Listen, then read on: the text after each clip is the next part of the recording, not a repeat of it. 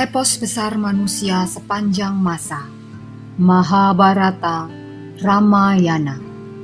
Karya C. Raja Gopalacari Diterbitkan oleh Ircisot Dibacakan oleh Dian Sitoresmi dan Mariana Widya.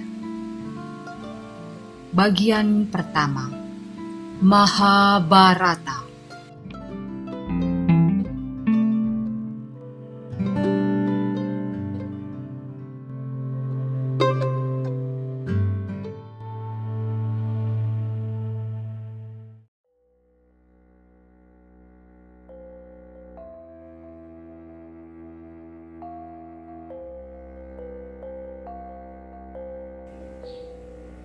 Bab 66 Hari ketiga Pada fajar hari ketiga, Bisma mengatur pasukannya dengan formasi burung Garuda.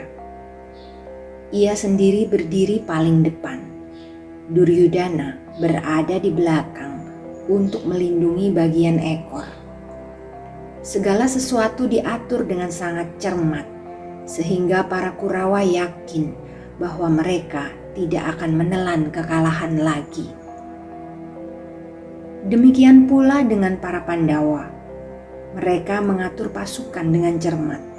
Tristat Yumna dan Dananjaya mengatur pasukan mereka dalam formasi bulan sabit untuk menghadapi formasi burung Garuda yang digelar pasukan Kurawa. Di ujung kanan formasi berdiri Bima, di ujung kiri berdiri Arjuna, masing-masing memimpin pasukan yang tangguh. Pertempuran pada hari ketiga berlangsung sengit. Denting senjata beradu terdengar di sana-sini dan darah membanjir di mana-mana. Derap kereta kuda, pasukan kuda, dan gajah membuat debu berterbangan menutup matahari. Dananjaya menyerang dengan dahsyat tapi musuh masih bisa bertahan. Pasukan Kurawa menyerang balik. Serangan dipusatkan pada posisi Arjuna.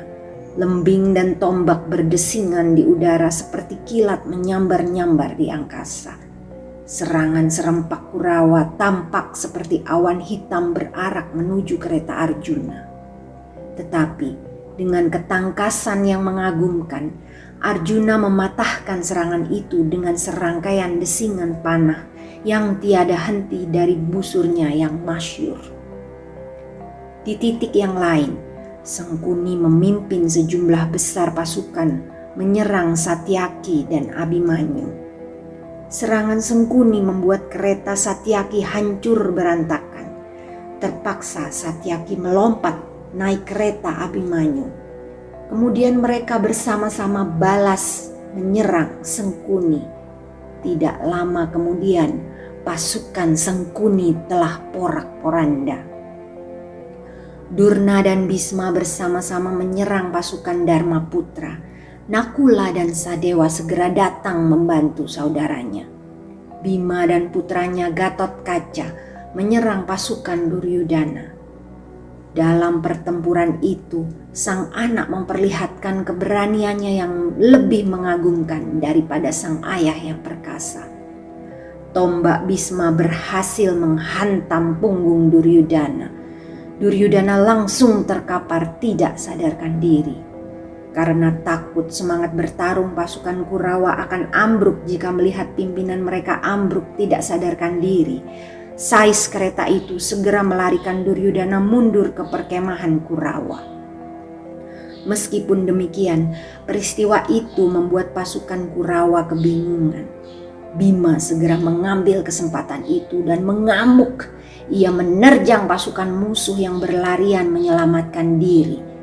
Durna dan Bisma yang melihat kebingungan dan kekacauan itu segera datang dan membangkitkan semangat tempur pasukan mereka kembali Pasukan yang semula tercerai berai dikumpulkan kembali dan Duryudana tampak memimpin mereka kembali. Kata Duryudana kepada Bisma, Bagaimana mungkin kau membiarkan semua ini terjadi? Mengapa kau biarkan pasukan kita porak-poranda dan lari tunggang langgang? Aku khawatir jangan-jangan kau bersikap terlalu lunak pada para Pandawa.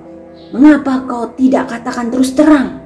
Aku menyayangi Pandawa, Yumna dan Satyaki adalah teman-temanku. Aku tidak bisa menyerang atau membunuh mereka. Engkau harus menjelaskan sikapmu sejelas-jelasnya padaku. Jelas mereka bukan tandinganmu. Jika sepenuh hati, engkau pasti bisa mengalahkan mereka dengan mudah. Meskipun sekarang sudah terlambat, sebaiknya engkau dan Jurna jelaskan sikap kalian padaku. Rasa kecewa karena kekalahan yang dialami dan kesadaran bahwa kakeknya tidak suka dengan sikap-sikapnya membuat Duryudana bicara pedas. Tetapi Bisma hanya tersenyum dan berkata, Bukankah aku sudah memberikan nasihat kepadamu? Kau tidak mengindahkan nasihatku dan memutuskan untuk berperang Aku berusaha menghindari perang, tapi semua sudah terjadi. Sekarang aku hanya menjalankan kewajibanku kepadamu dengan seluruh kemampuanku. Aku sudah tua dan aku sudah melakukan sebaik yang aku bisa. Setelah berkata demikian, Bisma kembali ke medan laga. Menjelang siang, keadaan menjadi berbalik Giliran kubu Pandawa yang dilanda kecemasan. Mereka tidak menyangka Bisma akan mengerahkan pasukan dan menyerang kembali karena tersengat oleh kata-kata Duryudana. Ibarat api yang meremukkan semua yang dihadapi Bisma mengamuk di medan perang. Ia kerahkan pasukan dan melancarkan serangan yang dahsyat. Seakan-akan ada seribu Bisma tersebar di medan perang. Memang sore itu Bisma bergerak dari tempat yang satu ke tempat yang lain dengan amat tangkas. Semua yang menghadang di jalannya terpukul mundur dan tewas mengenaskan seperti seekor laron yang mati ditelan lidah api. Kini gantian pasukan Pandawa yang kacau balau dan kocar kacir.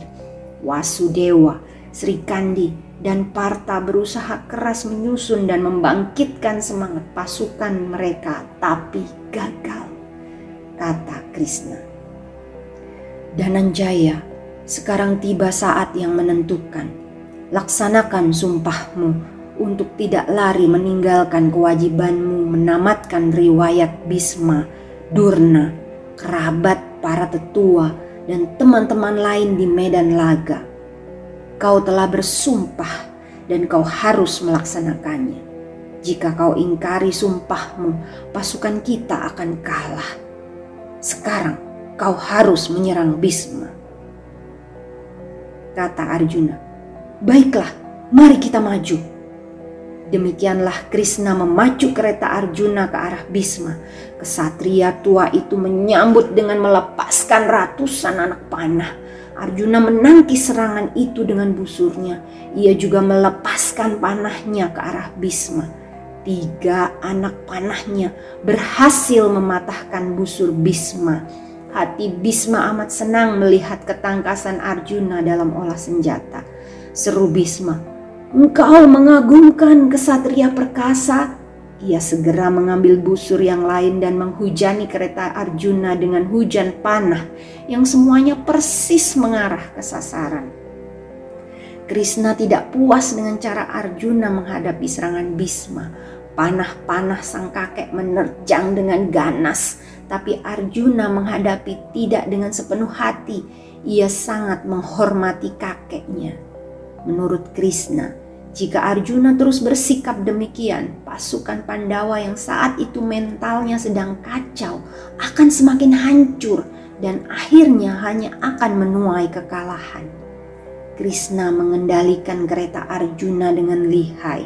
Meskipun demikian, beberapa kali kereta mereka terkena sambaran panah Bisma. Krishna tidak sabar lagi dan katanya, Aku tidak sabar lagi, aku akan bunuh Bisma sendiri. Ia berseru kepada Arjuna dan melepaskan tali kekang kudanya. Ia melompat turun dan mengambil ancang-ancang untuk melepaskan senjata cakram ke arah Bisma. Bisma sama sekali tidak risau dengan tindakan Krishna. Sebaliknya, wajahnya justru bersinar cerah Katanya, Seranglah aku, wahai mata bunga teratai. Aku menunduk hormat kepadamu, Madawa, dewa penguasa dunia.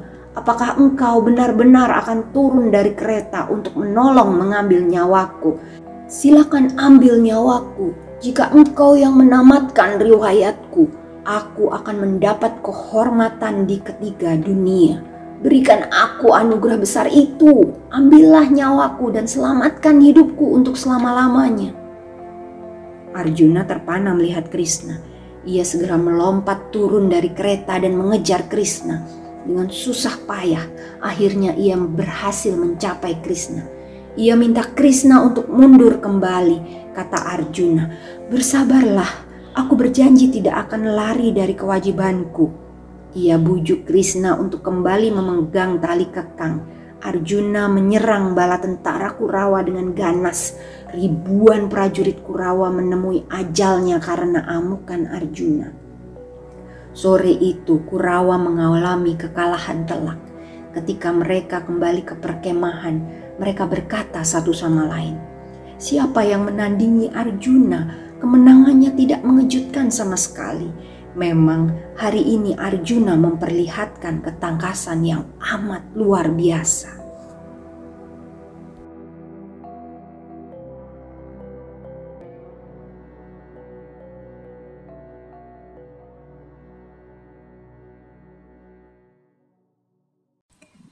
Dengarkan kisah selanjutnya di episode berikutnya.